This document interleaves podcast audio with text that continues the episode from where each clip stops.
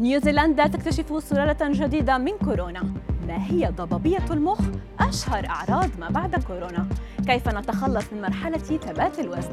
أبرز أخبار الساعات الأربع والعشرين الماضية في دقيقتين على العربية بودكاست أكدت وزارة الصحة بنيوزيلندا اكتشاف سلالة جديدة شديدة التحور من فيروس كورونا نهاية يونيو الماضي لدى رجل قادم من الخارج.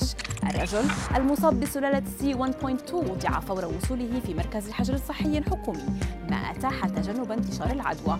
ووفقا للعلماء فإن السلالة الجديدة قد تكون أكثر عدوى وفي نفس الوقت أكثر مقاومة للقاحات. أعلنت منظمة الصحة العالمية أيضا أنها تراقب نسخة متحورة جديدة من فيروس كورونا اسمها مو رصدت للمرة الأولى في كولومبيا. وقالت المنظمة أن النسخة المتحورة تم تصنيفها في الوقت الراهن كمتحور يجب مراقبته. وأوضحت أن لدى هذا المتحور طفرات يمكن أن تنطوي على خطر هروب مناعي. الأمر الذي يجعل من الضروري إجراء المزيد من الدراسات عليه لفهم خصائصه بشكل أفضل. تعددت الأعراض التي تظهر على المتعافين من مرض كوفيد-19 ومنها ضبابية المخ. وهي واحدة من أشهر الأعراض ما بعد كورونا. فما هي ضبابية المخ؟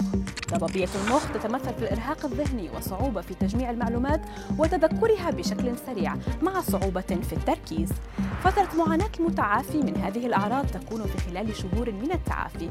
ويذكر أن كبار السن ومن يعانون من الأمراض المزمنة هم أكثر عرضة للمعاناة من هذا العرض أكثر من الشباب والأصحاء. مهما كان نوع النظام الغذائي المتبع لإنقاص الوزن فلا بد من المرور بمرحلة ثبات الوزن. ينصح خبراء التغذية دوما بأن تلك الفترة لا ينبغي أن تصيبنا بأي إحباط فهي طبيعية والجسم سيعاود فقدان الوزن بعد تجاوز هذه الفترة.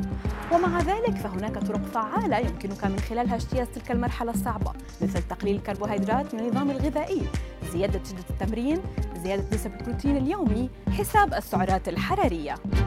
you